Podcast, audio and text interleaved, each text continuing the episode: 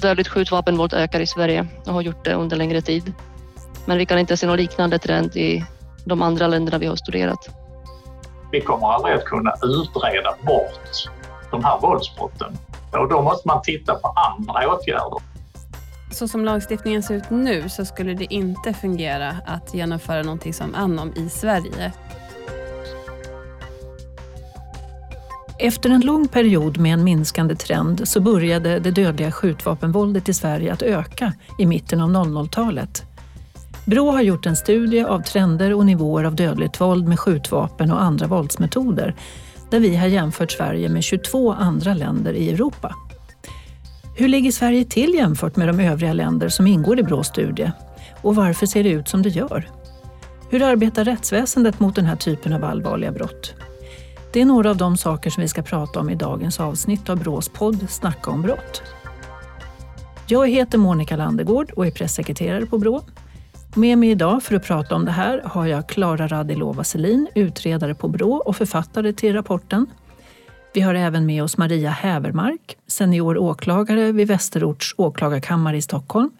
Och så har vi Håkan Jarborg Eriksson, polismästare och chef vid Utvecklingscentrum Syd, Polismyndigheten. Välkomna! Mm, tack så mycket. Tack. Tack, det ska bli trevligt att få vara med där. Om jag börjar med dig Klara, kan du sammanfatta resultaten i rapporten lite kort? Och jag tänker då inledningsvis på vilka länder är det som ingår och hur gjordes urvalet av de länderna till exempel? Ja, alltså den här studien är ju Brås svar på det regeringsuppdraget som vi fick inför 2020 att um, kartlägga helt enkelt både nivåer och trender i dödligt våld med särskilt fokus på skjutvapen i Sverige i jämförelse med andra europeiska länder. Och vi har alltså jämfört som du sa Sverige med 22 andra länder så vi har inte hela Europa med i jämförelsen men vi har tillräckligt många länder för att kunna uttala oss någorlunda. Vi har det mesta av EU eh, i, i, urvalet och, och det urvalet var baserat på dels kvalitet av data för respektive land som var grundläggande för, för jämförelsens skull. Men också de minsta länderna har vi uteslutit ur analysen för att det är svårt att se någonting om trender i väldigt små länder med liten befolkning helt enkelt. Så det är 22 andra länder och Sverige som vi har jämfört och inklusive Norden, hela Norden till exempel och Västeuropa, de mest relevanta och jämförbara länderna är ju med i jämförelsen. Och resultaten visar att, att eh, dödligt skjutvapenvåld ökar i Sverige och har gjort det under längre tid. Men vi kan inte se någon liknande trend i de andra länderna vi har studerat, inte i något av de länderna. Vet man varför det ser ut som det gör i Sverige? Alltså uppdraget var ju en beskrivande studie så det, det här en, studien i sig är en beskrivning av trender och nivåer i, i Sverige och Europa. Men vi har ändå berört den här frågan om varför, den är ju ganska central och vi, vi förstod att många kommer undra förstås, man måste rama in våra resultat på något sätt. Och då har vi i slutkapitlet uh, gått igenom vad forskning visar kring det som driver liknande trender, vilken bakgrund man brukar beskriva där och det är framförallt tre olika omständigheter som, som nämns i litteraturen när det kommer till liknande snabba uppgångar i viss typ av dödligt våld, alltså inte de här vågorna som man har sett i resten av Europa där nästan alla länder visar nedåtgående trend synkroniserat. Eh, där kan man tycka att, att förklaringarna ligger på mer strukturell nivå kanske. Men de ökningarna vi ser i Sverige som är ganska så isolerade till dels bara till Sverige men också till specifik typ av våld i utsatta områden, det är unga män, det är skjutvapen, det är kriminella miljöer. Det kan man inte resonera på samma breda sätt helt enkelt. Och, och när det gäller just sådana eh, avgränsade trender så visar forskningen att, att det är framförallt fluktuationer på illegala drogmarknader som spelar roll, eh, konflikter i kriminella miljöer som också spelar stor roll, som hänger också ihop med, med det förstnämnda. Och också låg förtroende för rättsväsendet och polisen i där det här våldet äger rum helt enkelt. Det är de tre faktorerna, inte enbart men de beskrivs som viktigast eh, när det gäller sådana här snabba plötsliga förändringar i viss typ av dödligt våld. För att även om vi inte ser det här eh, i de länderna vi har studerat förutom Sverige så har det här hänt tidigare i USA till exempel på 80-talet. Och, och, så, så det, det finns ju viss kunskap kring bakgrunden där i alla fall. Mm. Jag vänder mig till dig Håkan. Du jobbar ju bland annat med det här Sluta skjut, den modellen i, som finns i, i Malmö bland annat. Eh, vad tänkte du när du läste Brås rapport? Är det här någonting du känner igen från ditt arbete som polis? Ja, det, det är det ju givetvis och det, det, är ju, Det var ju mer som en, en tydlig bekräftelse på det vi, det vi själva har sett, det vill säga att, att Sverige sticker ut på ett lite unikt sätt med den, den eskaleringen som skjutvapenvåldet har i vårt land och, och samtidigt då såklart denna ska säga, avsaknad egentligen då av, av tydliga förklaringar till varför det sticker ut och, och, och som, som resonerar kring de här, de här normala förklaringsmodellerna. Ja, de är väl förvisso giltiga i, i, i det här svenska sammanhanget också, det vill säga eh, kriminella konflikter och, och drogmarknaden etc.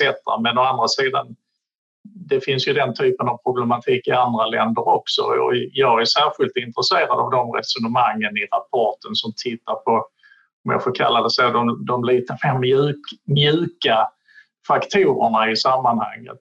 Även om det här är väldigt hårt med skjutvapenvåld så mjuka i den aspekten att det handlar om relationer, maktpositionering, eh, rädsla skulle jag vilja säga. Alltså vi, vi har ju sett den typen av eh, ska vi säga, reaktioner hos de kriminella individerna eh, i bland annat då Sluta skjut-projektet i Malmö där de ger uttryck för de här, eh, den här problematiken på det sättet. Inte då att det nödvändigtvis är den, den enstaka narkotikauppgörelsen som ligger bakom själva, ja, att man trycker på avtryckaren om man uttrycker sig så, utan mm. snarare kan det vara mycket mer, ett mycket mer komplext sammanhang liksom där, där rädslan för att bli skjuten gör att jag skjuter i förebyggande syfte för att bibehålla min position i den här kontexten, i det här sammanhanget med, som involverar såklart droghandel, som involverar kriminella konflikter med mera, men, men inte en, en omedelbar orsak mellan just de delarna och själva skjutningarna i sig utan det, det, är, det är andra mekanismer som på något sätt går in och det är de som jag benämnde som mjuka i den aspekten. Mm. Klara, ville du inflika någonting där? Jag tänkte inflika det, det som var viktigt egentligen som, som jag inte riktigt avslutade i resonemanget det är ju att de här, de här tre aspekterna som jag nämnde som litteraturen beskriver som, som också Håkan känner igen som förknippade med den här typen av utveckling, de finns inte bara i Sverige. Så om frågan liksom ställs varför just Sverige så där har vi inget tydligt svar utan de här omständigheterna förekommer även i vissa andra länder i Europa. Det är inte bara i Sverige vi har de här illegala drogmarknader. Det är inte bara här vi har problem med kriminella gäng. Men vi har ändå, vi är hyfsat ensamma om den här utvecklingen i skjutningar. Så att svaret ligger inte riktigt enbart där. Det lägger grund för den här utvecklingen naturligtvis, de här, de här förutsättningarna. Men det är fortfarande inte hela förklaringen till varför det händer just här. Nej. Och de här mjuka aspekterna som Håkan också är inne på, det här med gruppdynamiken och det här med att det går inflation i använda vapen med tiden om man beväpnar sig också för att man känner sig hotad och, och det finns alltid som potentiell risk för att bli utsatt. Det ena ger det andra helt enkelt. Det, det blir en eskalering på det sättet. Det är också väl dokumenterat i forskningen att skjutningarna är kopplade till varandra i tid och rum. Att den ena liksom leder till en annan och, och, och det finns smittoeffekter man pratar om. Så det är väl kartlagt hur det här eskalerar men det är inte riktigt konstaterat varför det har börjat från första början just i Sverige. Vi har ju hört eh, olika politiker som pratar om höjda straff och nya lagar som ska komma till rätta med gängbrottslighet och, skjutningar. Men, men vilka åtgärder ser ni som, som viktigast för att kunna vända utvecklingen och minska skjutningarna? Det är kanske en jättesvår fråga att svara på men Alltså man får ju göra, göra skillnad också på vilka, vilka åtgärder som, som vad gäller lagstiftning som eh, så att säga politikerna står bakom. Eh, höjda straff eh, enbart är ju det är också belagt i forskning att det, det, är inte med nödvändighet förknippat med att problemen försvinner och, och brottsligheten minskar bara på grund av, av höjda straff. Även om jag personligen tror och tycker att i vissa sammanhang när det är kopplat just till den här problematiken med det grova skjutvapenvåldet så kan faktiskt eh, straffkänslighet vara, vara så att säga ett effektivt instrument i, i, i vissa sammanhang. Men det är min, det är min eh, syn på det. Däremot så finns det ju annan lagstiftning som då handlar såklart om vilka vilka verktyg som rättsväsendet gemensamt får i, i bekämpningen av den här problematiken. Och där har vi ju sett en hel del utveckling de, de senaste åren som i varje fall har hjälpt Polismyndigheten till, till eh, att kunna angripa den här problematiken på ett mer effektivt sätt än vad vi, vi tidigare har gjort. Så att eh, mycket av det som har kommit de senaste åren har ju varit välkommet ur vårt perspektiv. Men om jag vänder mig till dig Maria som är åklagare. De senaste dagarna nu när vi spelar in det här poddavsnittet så har ju till exempel det här eh, med Anom blivit väldigt uppmärksammat. Eh, det här chattverktyget som gjorde att man kunde gripa väldigt många över hela världen, även här i Sverige. Men det ser ju olika ut med, med lagstiftning och så vidare. Alltså hur, hur, hur är din syn på det som åklagare? Skulle det funka att använda i Sverige? Att ha en sån lag i Sverige? Eh, eller finns det några risker med det? Så som lagstiftningen ser ut nu så skulle det inte fungera att genomföra någonting som Anom i Sverige i och med att man då avlyssnar ett antal personer och inte har konkretiserat brottsmisstankarna. I Sverige så fungerar det ju så eh, nu att vi måste ha en konkret brottsmisstanke som vi går upp med då och får tillstånd till om det kan vara hemlig avlyssning eller hemlig dataavläsning. Eh, när det gäller Anom så har man ju då, eh, som jag har förstått det, mer lyssnat på alla personer som har använt sig av det.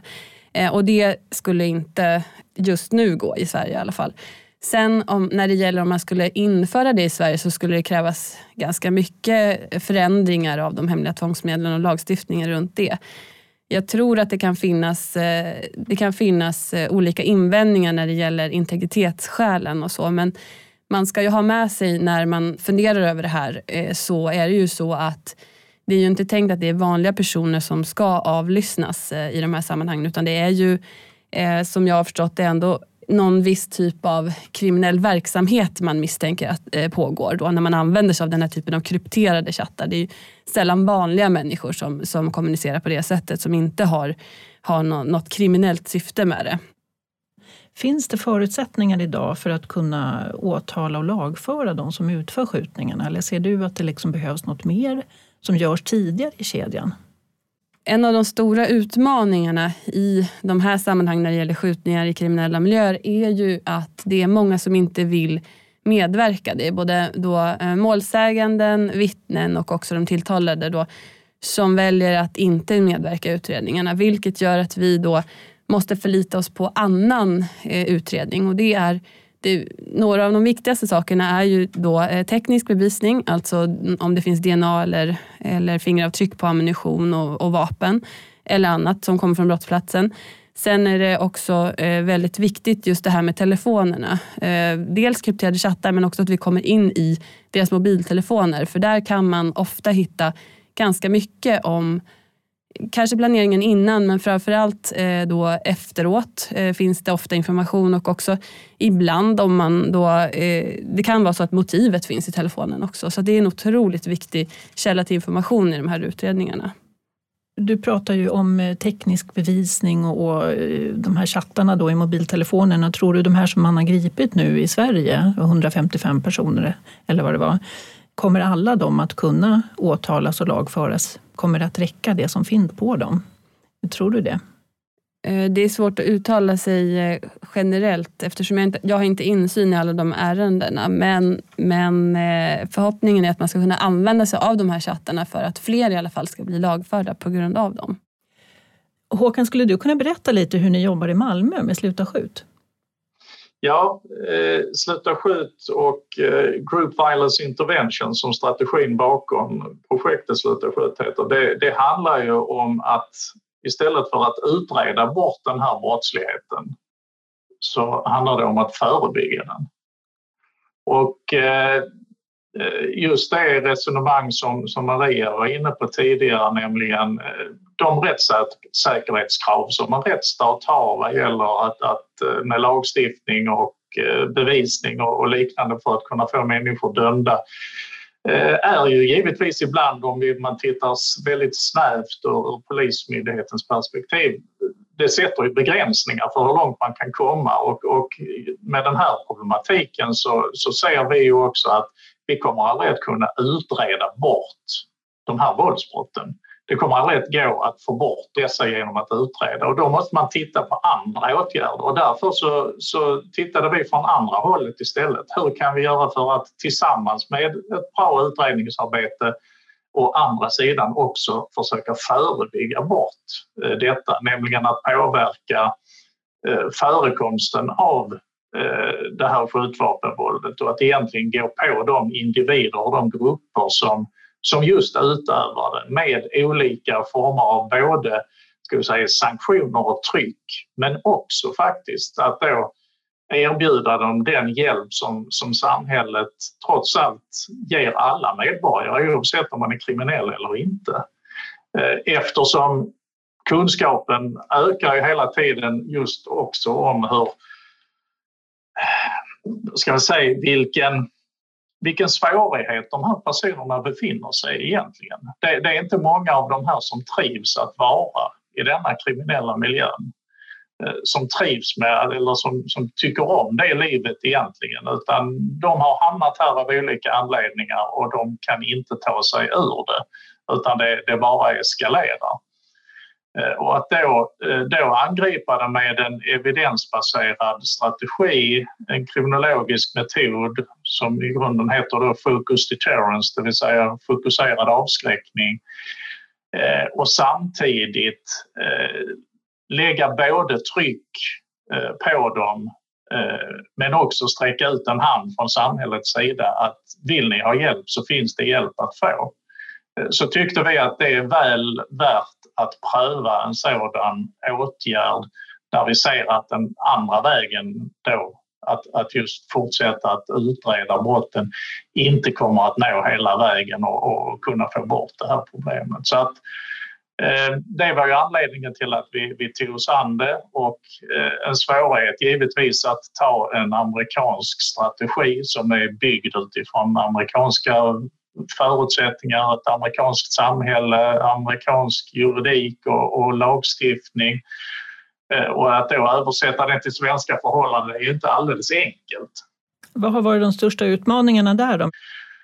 Alltså dels är det ju det att, att i, i USA så är ju, ska vi säga, samhällets stöd till, till den individen, till medborgaren, det är inte alls lika utbyggt som det är i Sverige. Vi har en helt, eh, helt annan social, ett socialt skyddsnätverk i Sverige jämfört med USA vilket gör att de åtgärder som de i USA eh, använder för att, så att säga, hjälpa de här kriminella individerna, de, det kan vara av ganska basal karaktär jämfört med vad vi är vana vid i Sverige. Så att där hade vi ju stora frågetecken kring, skulle det skulle våra åtgärder liksom räcka? För de, de finns ju redan för, för var och en att, att ta del av. Eh, det vill säga det skulle kanske inte vara så attraktivt och så attraherande för de här kriminella individerna.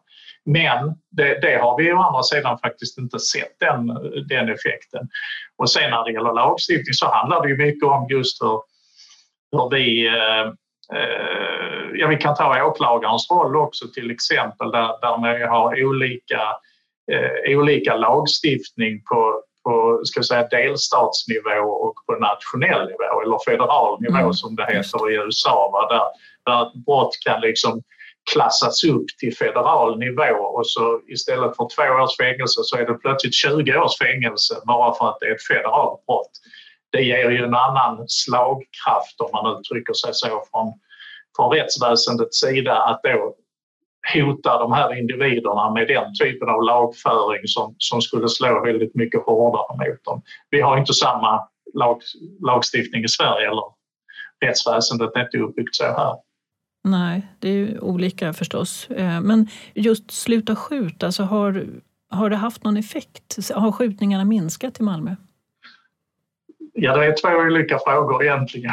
Skjutningarna har absolut minskat och de har ju minskat radikalt eh, i Malmö.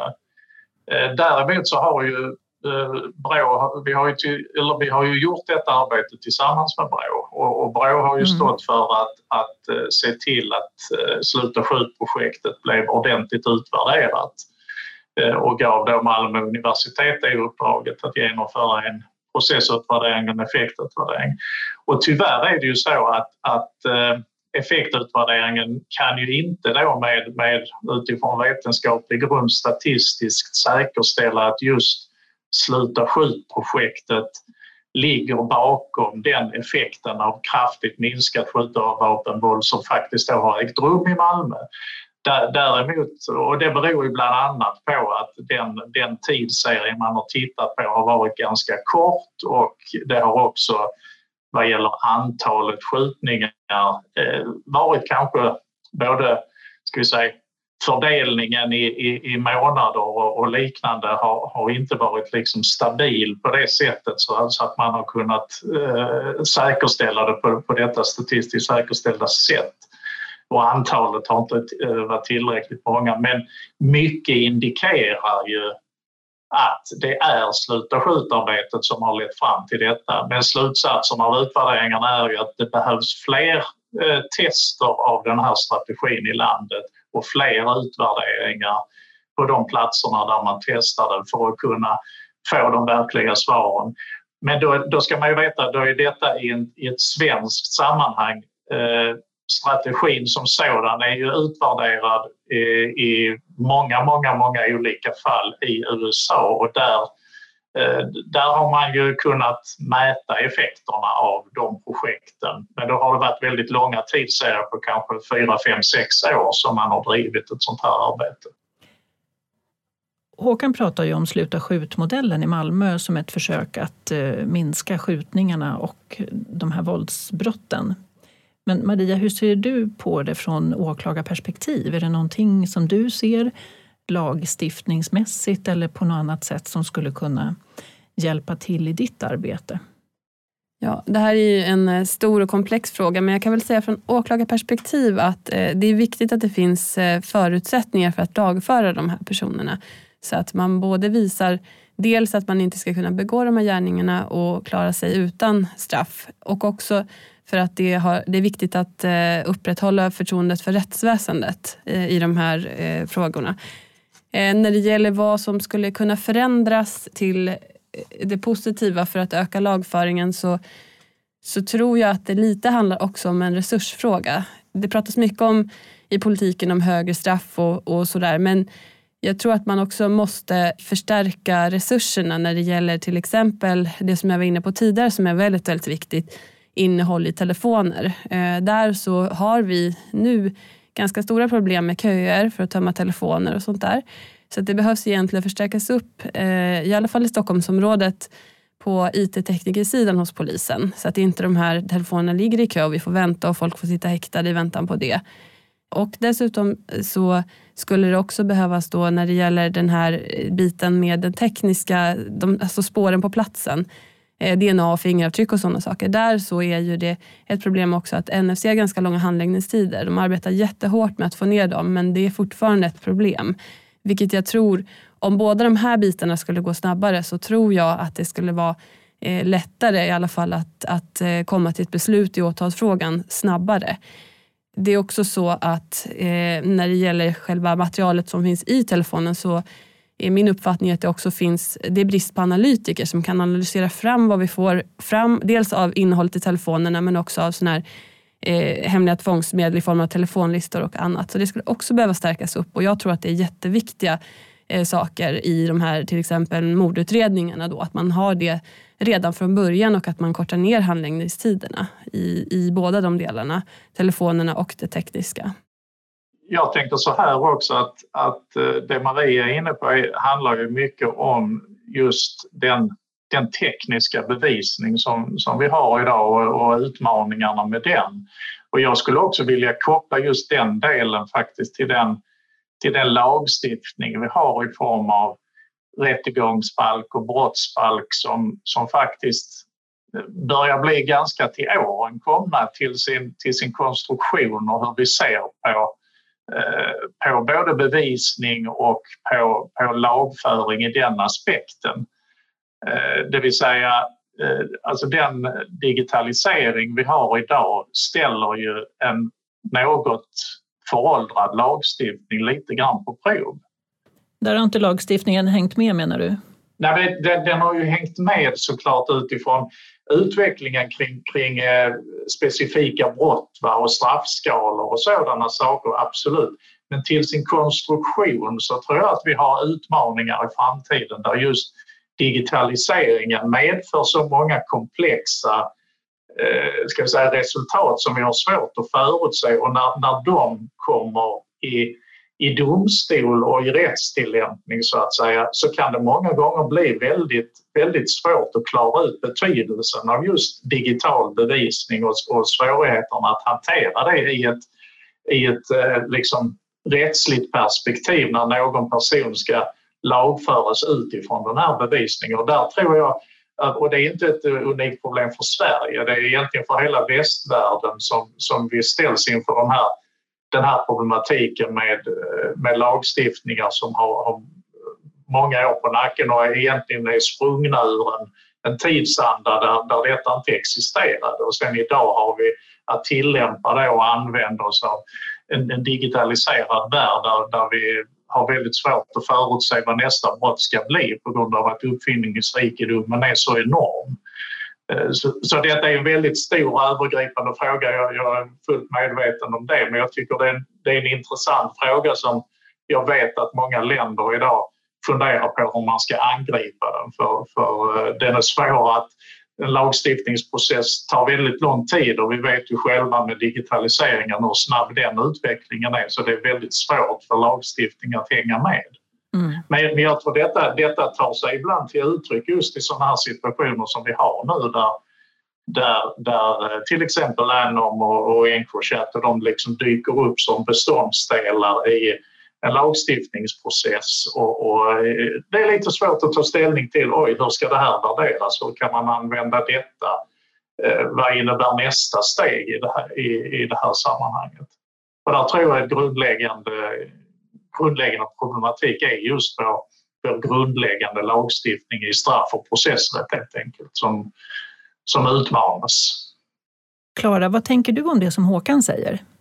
Ja, det är jätteintressant på många sätt naturligtvis. Jag är också glad att höra att, att, att polisen jobbar väldigt mycket förebyggande. Det är inte bara det här som man är van vid, liksom att det är mycket fokus på, på strängare straff idag, också från politikens håll och det, det har man sett ett tag och det naturligtvis så att, som Håkan också varit inne på, så när det gäller avskräckande effekt av hårdare lagstiftning så är det ju enligt forskningen så är det tveksamt huruvida det fungerar på det sättet. Men det finns andra effekter av, av till exempel det ökade minimistraffet för grovt vapenbrott eh, som möjliggör häktning, vilket också i sin tur då gör att, att potentiellt farliga individer plockas bort från gatan tidigt. Det har man inte kunnat göra tidigare, så det finns ju positiva effekter av, av sånt.